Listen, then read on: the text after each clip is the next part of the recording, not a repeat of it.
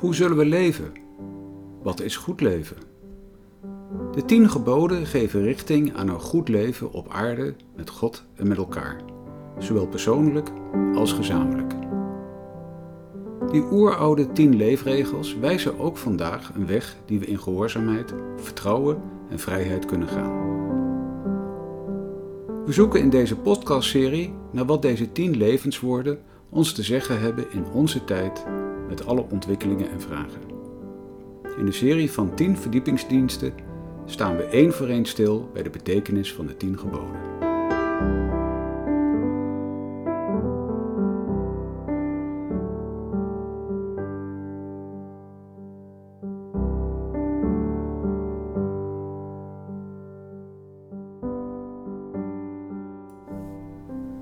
Dit is de vierde preek in de serie van 10. Het vierde gebod. Houd de rustdag in ere. Voorganger is dominee Johan Visser, opgenomen op 19 september 2021 in de Noorderkerk te Amsterdam.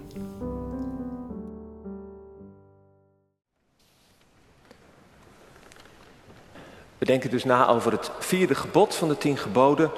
Dat gebod lezen we nu eerst in twee versies. Eerst uit de versie van Exodus en daarna de versie uit Deuteronomium, Exodus 20 en Deuteronomium 5. En daarna lezen we uit het evangelie van Marcus, waar het gaat over hoe Jezus met die rustdag, de Sabbat, omging. Exodus 20, vers 8 tot 11. En daar luidt het vierde gebod, gedenk de Sabbat, dat u die heiligt. Zes dagen zult u arbeiden en al uw werk doen, maar de zevende dag is de Sabbat van de Heere uw God. Dan zult u geen enkel werk doen, u, nog uw zoon, nog uw dochter, nog uw slaaf, nog uw slavin, nog uw vee, nog uw vreemdeling die binnen uw poorten is. Want in zes dagen heeft de Heere de hemel en de aarde gemaakt, de zee en alles wat daarin is. En hij rustte op de zevende dag. Daarom zegende de Heere de Sabbatdag en heiligde die. En in het boek Deuteronomium hè, worden de wetten herhaald. We krijgen ook een nieuwe toespitsing voor het leven in het land waar de Israëlieten dan aan de grens van staan. En het Sabbatsgebod klinkt bijna hetzelfde, maar er zitten wel een aantal belangrijke uh, detailverschillen in. Daarom lezen we het nog een keertje uh, helemaal. Deuteronomium 5, vers 12. Neem de Sabbat in acht om die te heiligen, zoals de Heer uw God u geboden heeft. Zes dagen zult u arbeiden en al uw werk doen, maar de zevende dag is de Sabbat van de Heer uw God. Dan zult u geen enkel werk doen. U, nog uw zoon, nog uw dochter, nog uw slaaf, nog uw slavin, nog uw rund, nog uw ezel, nog enig vee van u, nog uw vreemdeling die binnen uw poorten is, opdat uw slaaf en uw slavin rusten zoals u. Want u zult in gedachten houden dat u slaaf geweest bent in het land Egypte. En dat de Heer uw God u vandaar heeft uitgeleid met sterke hand en uitgestrekte arm. Daarom heeft de Heer uw God u geboden de dag van de Sabbat te houden.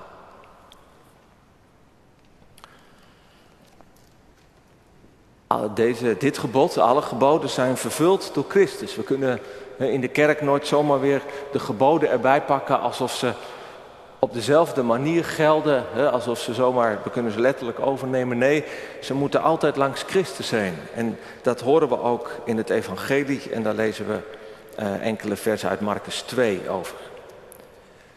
Marcus 2, 23. En het gebeurde dat Jezus op een sabbat door de korenvelden ging.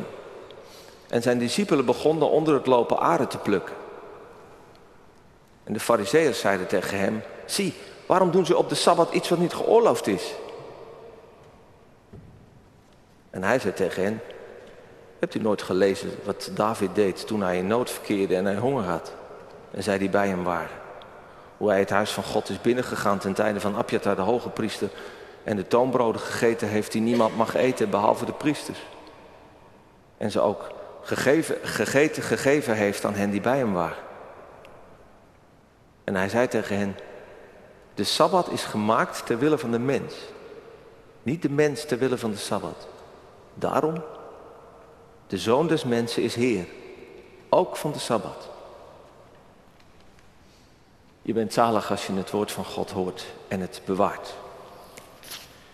Ter inleiding op de verkondiging lezen we eerst het, ehm, de, de uitleg van de Heidelbergse catechismus over het vierde gebod. Dat geeft wel een beetje richting, want over de rustdag kun je op allerlei manieren spreken. Dus het is een rijk thema, zeker in onze tijd. Maar ik, met de Heidelbergse catechismus erbij heb ik een bepaalde insteek gekozen voor uh, vanavond. En die sluit ook wel echt aan bij, uh, bij wat we nu horen. En nadat we dat hebben uh, gehoord, zingen we uit Psalm 27 het tweede vers. De vraag is, wat gebiedt God in het vierde gebod? En het antwoord ten eerste dat de kerkelijke woordverkondiging en de scholen in stand gehouden worden. En dat ik vooral op de Sabbat, dat is op de rustdag, trouw naar Gods gemeente kom om Gods woord te horen, de sacramenten te gebruiken, God de Heer openlijk aan te roepen en als christen de armen bij te staan. Ten tweede, dat ik alle dagen van mijn leven afstand van mijn boze werken neem, de Heer door zijn geest in mij laat werken en al dus de eeuwige Sabbat in dit leven aanvang. Tot zover. Gemeente van Jezus Christus. In het Jodendom wordt de Sabbat, of het Hebreeuws de Shabbat, wel als een bruid gezien. Daar komt ze, iedere vrijdagavond bij zonsondergang, stralend in haar schoonheid naar binnen. En wordt ze in huis verwelkomd met vreugde. De rustdag is een feest. Een wekelijkse bruiloft eigenlijk. Dat is een mooi beeld. Maar in de praktijk kan de rustdag, de Shabbat bij de Joden en de zondag onder christenen helemaal niet zo'n feest zijn.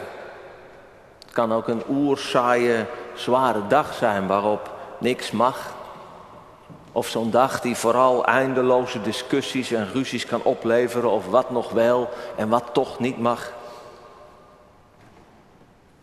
Maar als het juk van een strenge zondagsheiliging van je is afgenomen, of, of, dat je dat helemaal niet kent van huis uit, en ik denk dat dat voor velen in de Noorderkerk zo geldt, dan vind je ook niet zomaar de vreugde van de rustdag terug. Dat viel me op bij de Bijbelklas over de Sabbat, die we een paar weken terug zijn begonnen. Dat heel veel van de deelnemers zeiden: Ja, in mijn jeugd was het eigenlijk heel duidelijk thuis. Dat was soms wel eens een beetje, een beetje saai en lastig wat wel of niet mag, maar het was tenminste duidelijk. En ook in de samenleving was het eigenlijk ja, best helder. De winkels waren gesloten. En nu mag je zelf bepalen hoe je je rustdag invult.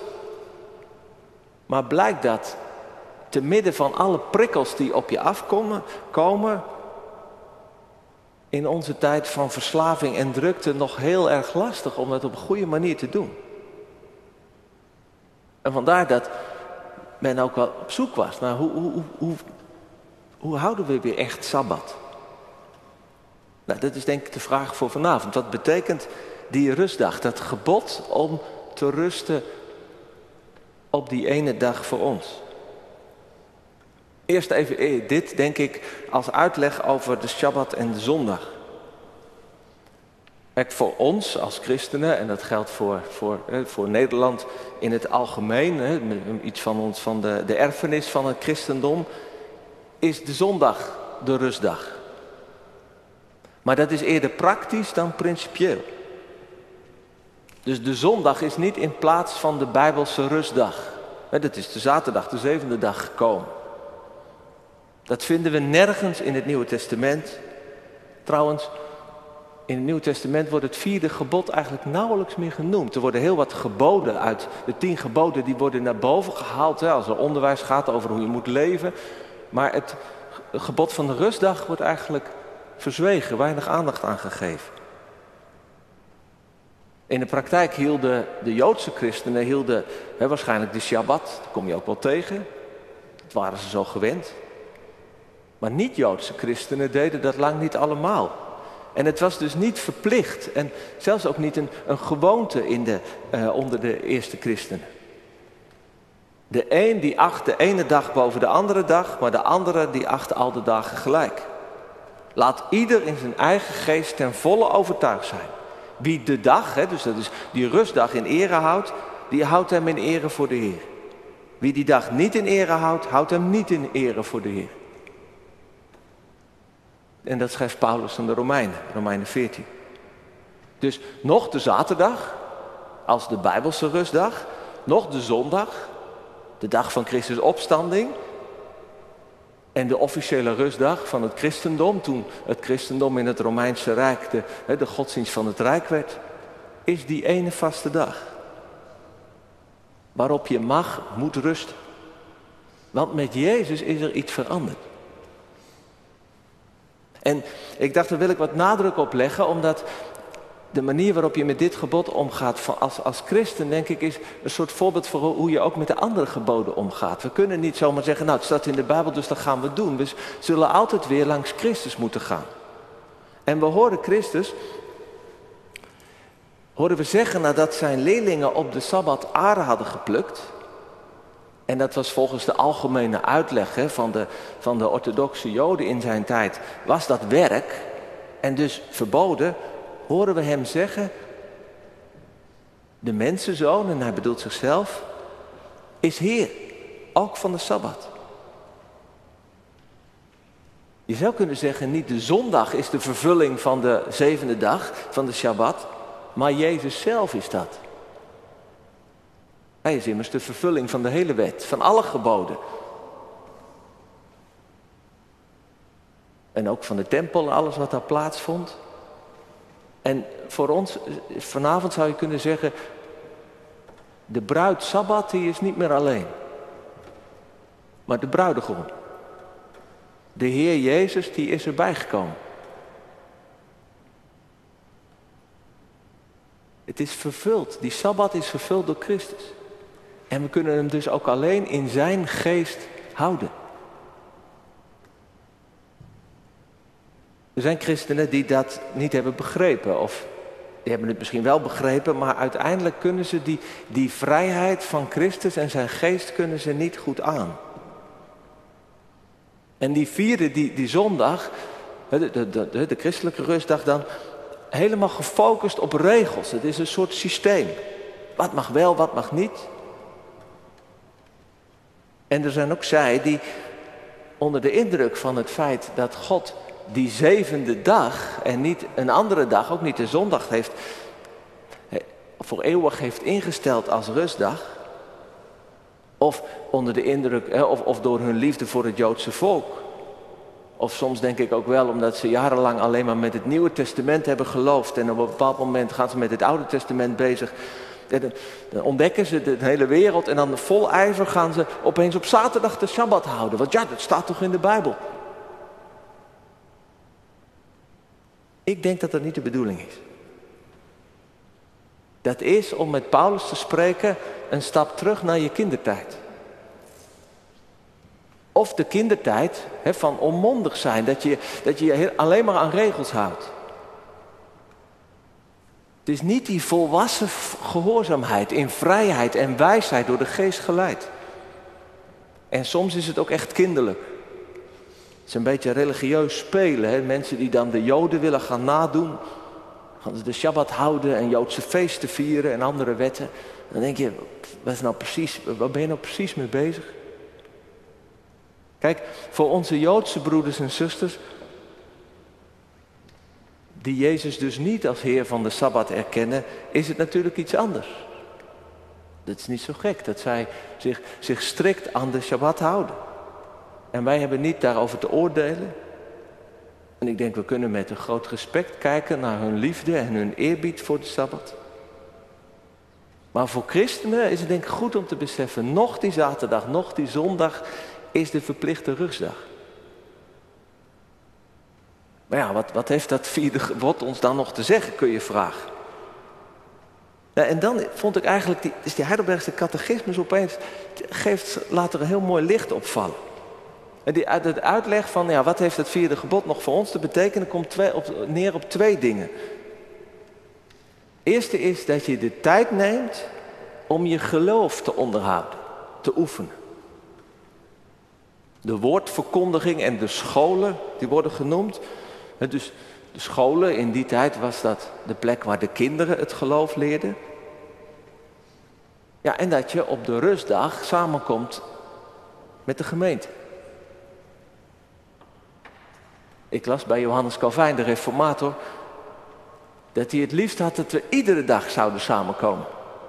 Dus helemaal niet één dag om voor God, maar elke dag. Maar hij schrijft erbij, maar de liefde staat het niet toe om meer te eisen dan één dag.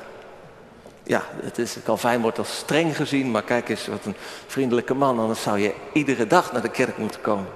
En ik zou iedere dag in de kerk moeten preken.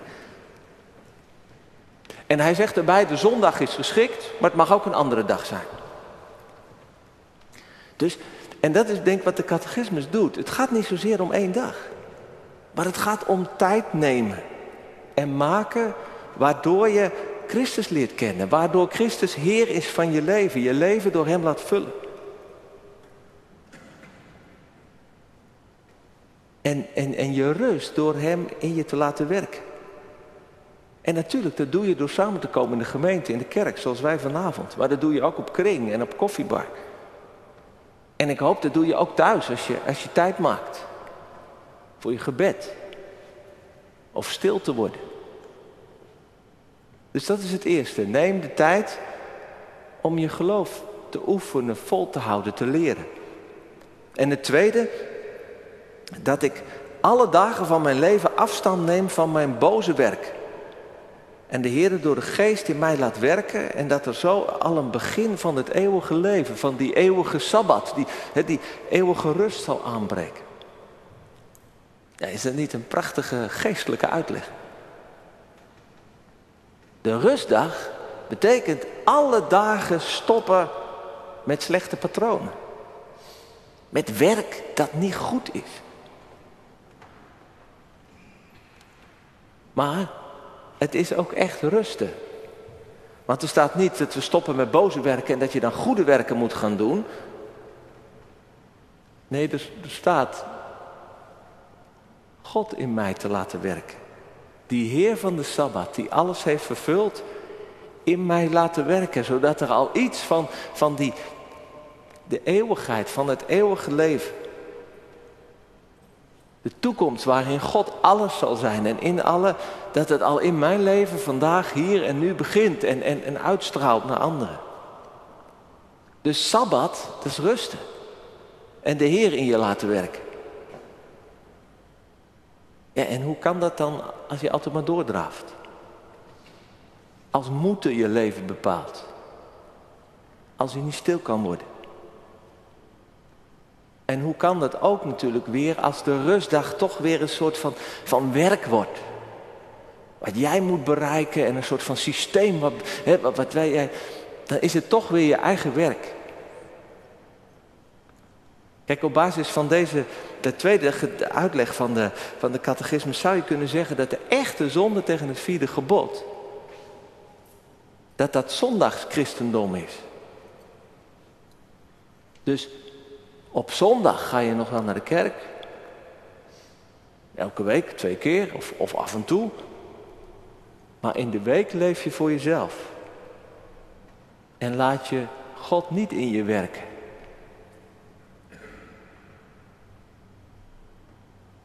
Dat laatste dat brengt me bij de concrete invulling waar de Heidelbergse catechismus weinig over zegt. Maar waar we ook niet zonder kunnen. Zeker vandaag niet want natuurlijk, het is, is prachtig om te zeggen, we moeten dat alle dagen doen. En alle dagen de ruimte voor, voor, voor nemen. En rusten en God in ons laten werken. Maar ja, het moet toch ergens een soort van vorm hebben. Het moet ook in onze tijd toch, toch een plekje krijgen. Ik wil er iets over zeggen met op de achtergrond volgens mij van de tijd waarin wij leven. En die wordt beheerst door de ideologie van het consumentenleven. De consument die altijd meer kan en meer wil. En de daardoor ontstaande 24-uurs-economie.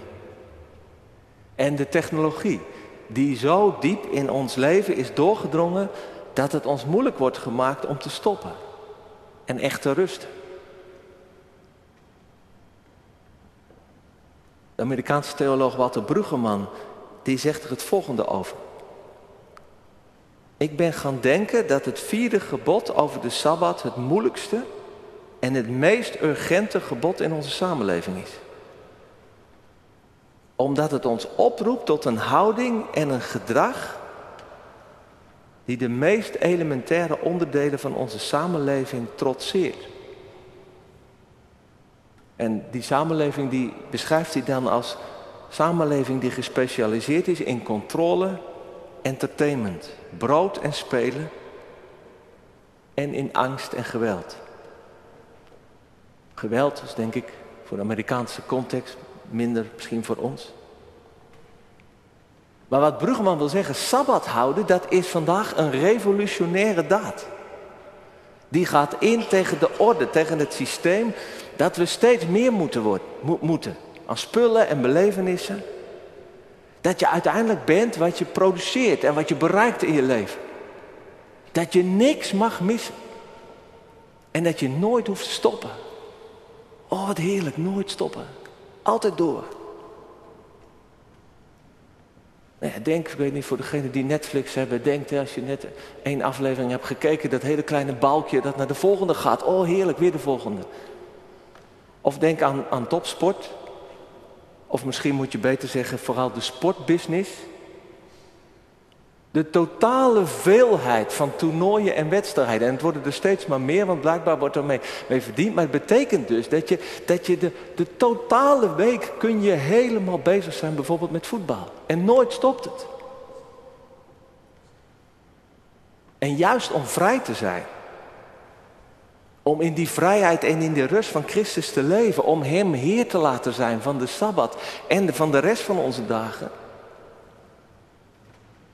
kunnen we in een wereld die op allerlei manieren probeert om ons verslaafd te maken. En die ons geen rust gunt, niet zonder harde keuzes. Zullen we zelf grenzen moeten stellen? Kijk, dat is natuurlijk ook de kracht van een hele strenge uh, manier van zondag of, of sabbat vieren. En je stelt heldere grenzen. Dat doe je samen met anderen. En je hebt iets van een, ja, wat, wat je zelf hebt, wat je hebt gebouwd. En dat is onafhankelijk van hoe je je voelt en wat er allemaal op je afkomt. Nou, hoe doe je dat nu op de manier dat, dat Christus de Heer is van de Sabbat? Niet dat je terugvalt in die wettische regels, maar in vrijheid. En dan pleit ik in de eerste plaats in de geest van de Heidelbergse catechismus dat je te midden van de veelheid, van alles wat moet en kan, voor jezelf. En als je kinderen hebt, ook voor hen. Heel bewust die tijd bewaakt waarin God in je kan werken. Dus dat je een levensritme probeert te vormen. Zowel in, in je dag als in de week. Als in het jaar waarin er ook sabbattijd is.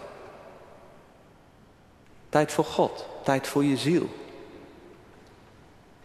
Tijd voor meer dan al het andere waar je mee bezig moet zijn. Waar je de meeste van je tijd aan geeft. Hè? Van, van, van werk en weet ik veel, al die andere dingen.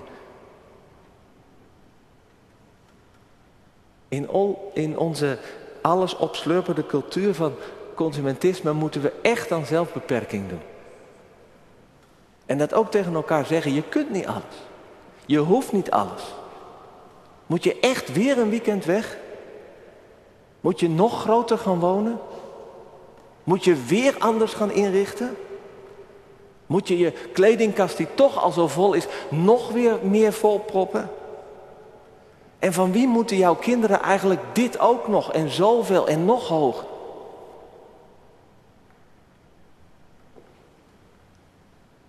En dan pleit ik ook om de praktische redenen, een beetje in de geest van Calvijn, voor zondagsrust. Om op zondag echt te stoppen. Nou ja, niet als je natuurlijk op zondag werk hebt, dan is het iets anders. Maar voor de meeste van ons geldt dat we op zondag vrij zijn. Dat je op zondag echt stopt. Dat is eigenlijk de basisbetekenis van het woord sabbat. Gewoon stoppen.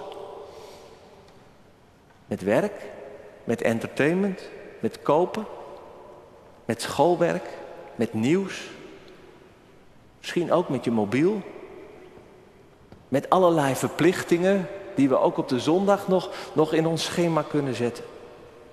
Gewoon één dag waarop je pauzeert en waarop je het aandurft om echt te rusten. En het leven te laten gebeuren en je zo ook te openen en te richten op God.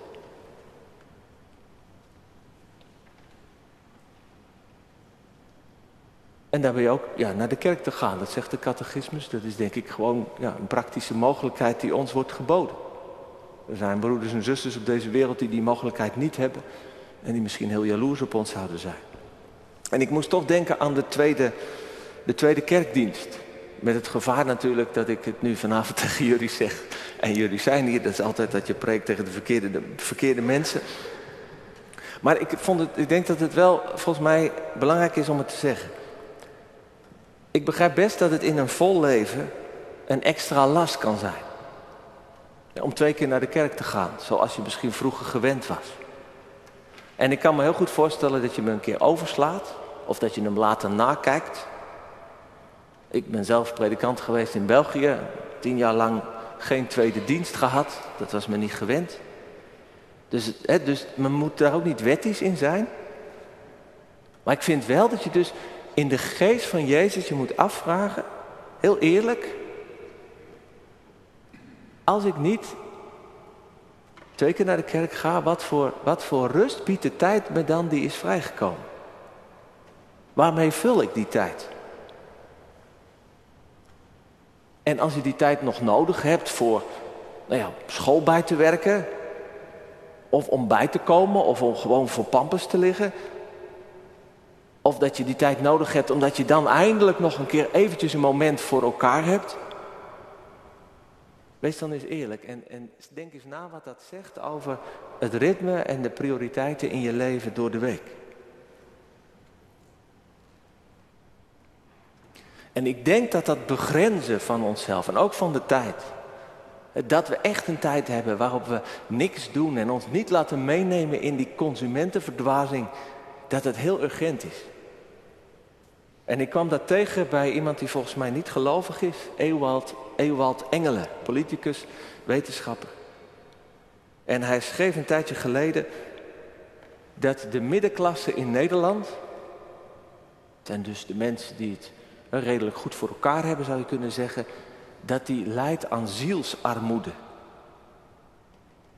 Dat hun leven helemaal gedreven wordt door materiële zaken, door alles wat je kunt consumeren en door status. En verder heel weinig. Ik denk die zielsarmoede, en volgens mij, ik, ik bleef bij mij wel hangen. Die zielsarmoede is een zonde die natuurlijk niet stopt bij de, kerk, bij de kerkdeur. En ik denk die rustdag die God ons heeft gegeven, dat is denk ik een heel goed medicijn daartegen. En is een vorm van detox. Als we verslaafd zijn geraakt aan het vele, aan die grenzeloosheid van het materiële leven. Met ook alle gevolgen voor de aarde. Gisteren was het World Clean-up Day. Die is nodig. En, en dat is het laatste wat ik nog wil zeggen, het is ook een vorm van bescherming van anderen. Die het gevaar lopen door als de wereld maar door en door en door draait, dat zij worden uitgebuit, dat zij de eerste slachtoffers zijn. Want dat is mooi, hè? dat in het Sabbatsgebod wordt ook aan de kinderen en aan de werknemers, de slaven en de slavinnen, dat, dat waren niet slaven zoals, zoals in de Verenigde Staten op de plantages, maar dat waren meer, bij ons zou je zeggen, dat zijn de werknemers. En de dieren, die worden ook genoemd. God maakt zich ook druk of de ezel wel rust krijgt. En in Deuteronomium wordt dat nog eens heel extra onderstreept. Jullie waren slaven, jullie weten hoe het is. Dat je moest werken, werken, werken. Kapot moest werken. En ik geef jullie een gebod dat dat niet gebeurt. En vooral niet dat dat bij de mensen gebeurt die niet in de positie zijn om, om daar zelf voor op te komen. Dus het vierde gebod zou je eigenlijk de allereerste CAO van de wereld in de wereldgeschiedenis kunnen noemen. Je kunt niet anderen laten werken terwijl jij je lekker op de bank ligt of, of je vroom op God ligt. Zo werkt het niet bij God. Vandaar was ik blij omdat in de Heidelbergse catechismus ook de, het bijstaan van de armen werd genoemd.